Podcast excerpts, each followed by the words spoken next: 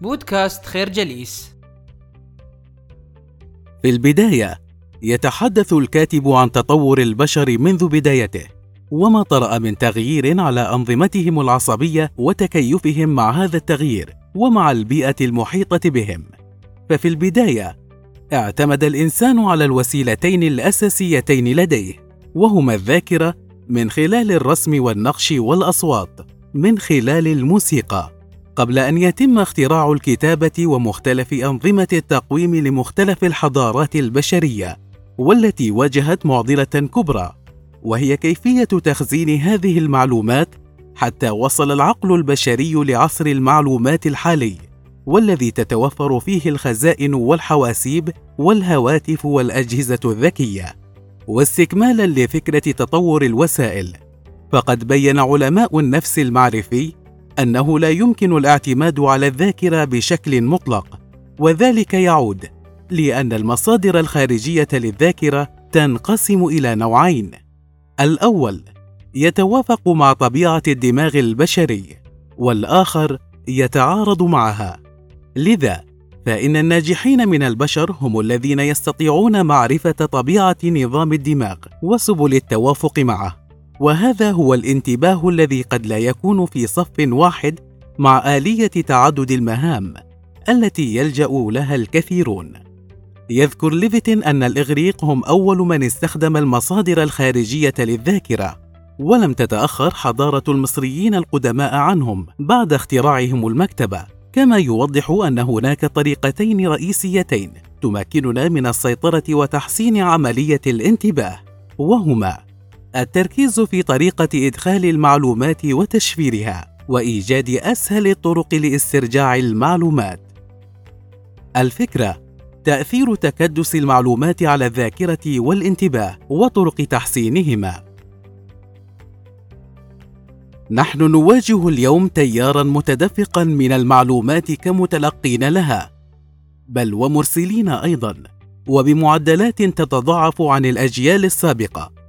ولذا تبرز أهمية عملية فرز هذه المعلومات وانتقاء أهمها للاحتفاظ به وتجاهل كل ما يشتت الانتباه بما يساعد في تحسين اتخاذ القرارات. لقد أثبتت الدراسات الحديثة في مجال علم النفس الاجتماعي أن الناجحين هم من يستطيعون استغلال الموارد المتاحة لهم في اتخاذ قرارات حياتهم دون تكبد عناء تشتيت أذهانهم بالبحث عن البدائل أو إجهاد عقولهم بمختلف الخيارات التي لا تعود عليهم بالفائدة. ومن أشهر الأمثلة على ذلك الثري الأمريكي الشهير وارن بافيت والذي يعد أحد الأمثلة الشهيرة على اتخاذ القرارات بسهولة دون إرهاق عقله بالخيارات وذلك باتخاذه لمنزل صغير وبسيط. كسكن له منذ أكثر من خمسين عاما على الرغم من قدرته على شراء أفخم القصور بالإضافة إلى نظامه الصحي من الوجبات البسيطة. لكن حين يكون الأمر متعلقا بوضع استراتيجيات مشروعاته الاستثمارية الكبرى فإن بافيت لا يتباسط في دراسة وتحليل مختلف المعلومات الداعمة لقراراته، وذلك ما يسمو إليه الناجحون من المستويات العليا للتميز والإتقان. إن عقل الإنسان يتعامل يوميا مع مئة ألف كلمة في المتوسط، أي نحو 34 جيجا بايت. وهذا ما قد يصل بنا إلى مرحلة لا يمكننا عندها التعامل مع كل ما نتلقاه من معلومات.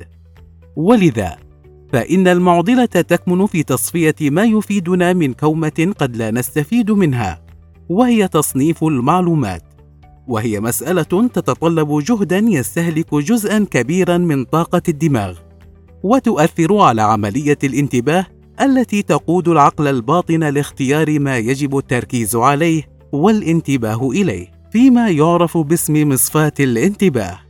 فالناجحون هم القادرون على تصنيف المعلومات المهمة وفصل ما يحتاجون إليه عما يشتت انتباههم ويستخدمون منظومة الانتباه ويفعلون الذاكرة الخارجية قدر استطاعتهم كي لا يبذلوا جهودا في استرجاع ما يهمهم من معلومات وذلك إما بالوسائل المتاحة من الهواتف الذكية والتطبيقات الرقمية التي تخدمنا في تنظيم المعلومات ويمكن استعمال عدة طرق تقليدية لتصنيف المعلومات مثل أدوات التذكير في مختلف الأماكن. التي نقضي فيها أوقاتنا ومنها المفكرات والرزنامة والملصقات الصغيرة وغيرها. وهنا يلخص دانيال ليفيتن هذه الفكرة بمقولته قد يتسبب نهمنا للمعرفة في نجاحنا أو فشلنا أو بعبارة أخرى إما أن تشتت المعرفة انتباهنا وإما أن تجعلنا ننخرط في رحلة طويلة من التعلم واستكشاف الجديد في عالمنا المتسع. وإما أن تجعلنا أن ننخرط في رحلة طويلة من التعلم واستكشاف الجديد في عالمنا المتسع. الفكرة المعلومات وتأثيرها على اتخاذ القرارات وكيفية تفعيل الذاكرة والتركيز معا.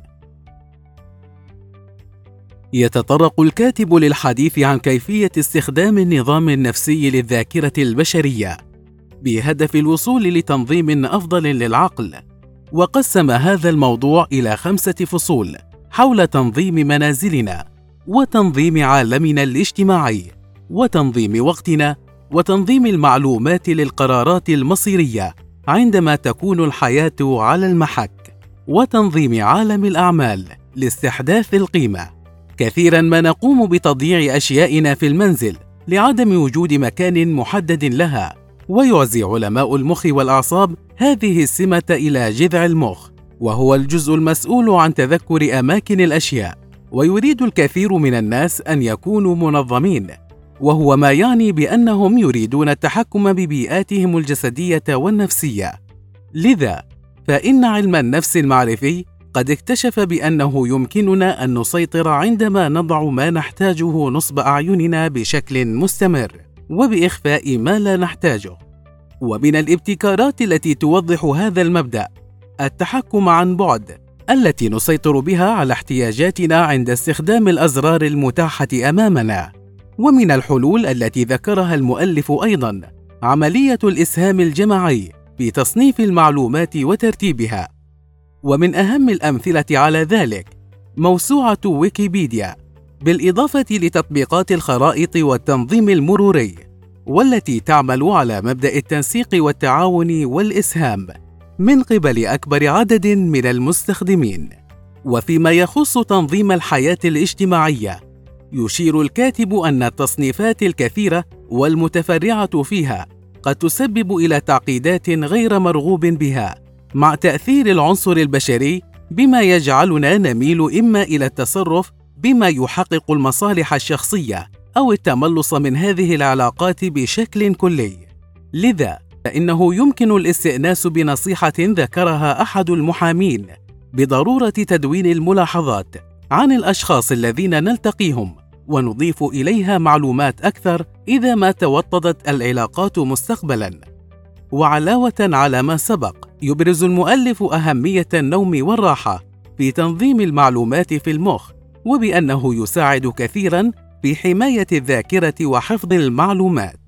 وفيما يتعلق باتخاذ القرارات فإن ليفيتن يصفها بأنها من أصعب العمليات التي يقوم بها العقل البشري.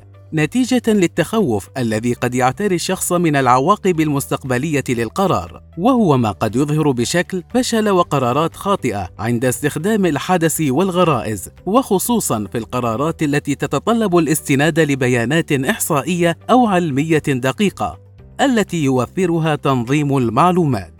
وقد تبين ذلك في الحاجة إلى التوثيق والمستندات في المؤسسات بما يساعد في عملية التواصل بين الأفراد ومدرائهم. وإتاحة الفرصة لتطبيق مبدأ تجسيد الذاكرة من خلال نقل السياسات والإجراءات من عقول الموظفين إلى وثائق المؤسسات سواء الورقية أو الإلكترونية.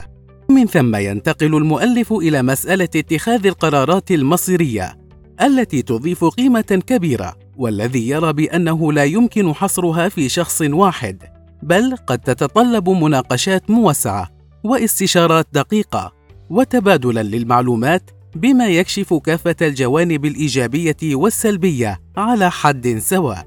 وهنا يشير إلى أن نجاح المنظمات الكبيرة يقوم على إطار من التنسيق والتفاهم بين أعداد كبيرة من الموظفين والعاملين وبأنه إذا ما تم تبادل المعلومات في نطاق ضيق وبغياب الشفافية بأن المؤسسات تفشل وتسقط ويتعطل الابتكار على مختلف المستويات.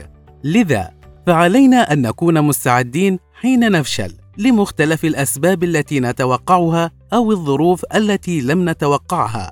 ونوفر أدنى الاحتياجات التي تساعدنا في استمرارية الأعمال. الفكرة الافتقار إلى النظام يعد أولى خطوات الفشل. يتحدث المؤلف عن بعض الرؤى المستقبلية حول ما يجب أن نتعلمه نحن وننقله أيضا لأطفالنا. ومن أهم هذه المهارات كيفية تفهم وجهة نظر الطرف الآخر. إذ على العالم أن يواجه بجهود موحدة المشكلات التي يعاني منها في عصرنا الحالي مثل الجوع والحروب والاحتباس الحراري وغيرها. فعلى الإنسانية جمعاء أن تعمل على تبادل المعلومات والأفكار وأيضا أن تغلب الثقة على سبل التعاون البشري. كما يجدر بنا أن نعلم أطفالنا مهارة التعلم مدى الحياة وأن نغرس فيهم الفضول الإيجابي الذي يساعدهم على طرح الأسئلة المهمة لإشباع هذا الفضول. ولا ضير من ارتكاب بعض الأخطاء أثناء عملية التعلم. فهي تعينهم على التأقلم مع المتغيرات السريعة التي يمرون أو سيمرون بها في حياتهم مع تعزيز قدراتهم في حل المشكلات والابتكار بما قد يسهم في حل الأزمات التي نمر بها في وقتنا الحالي. ويؤكد ليفيتن على أهمية ترتيب الأفكار وتنظيم العقول التي تعتبر سلاحا هاما في التغلب على التحديات وتجاوز الصدمات والنهوض من العثرات ومواجهة الحياة. ونظرا لميل البشر الفطري نحو الفوضى. تبرز أهمية البحث عن المساحات التي تحتاج للتنظيم وإعادة ترتيبها حين تصعب الأمور وهو ما أطلق عليه أهمية درج الخردة. مع عدم الخشية من ارتكاب الأخطاء في سبيل تحقيق المصلحة الأكبر وهي تنظيم الحياة والاستمتاع بها. الفكرة نتعلم لنعلم أطفالنا وننظم عقولنا. نشكركم على حسن استماعكم. تابعونا على مواقع التواصل الاجتماعي لخير جليس. كما يسرنا الاستماع لآرائكم واقتراحاتكم. ونسعد باشتراككم في البودكاست.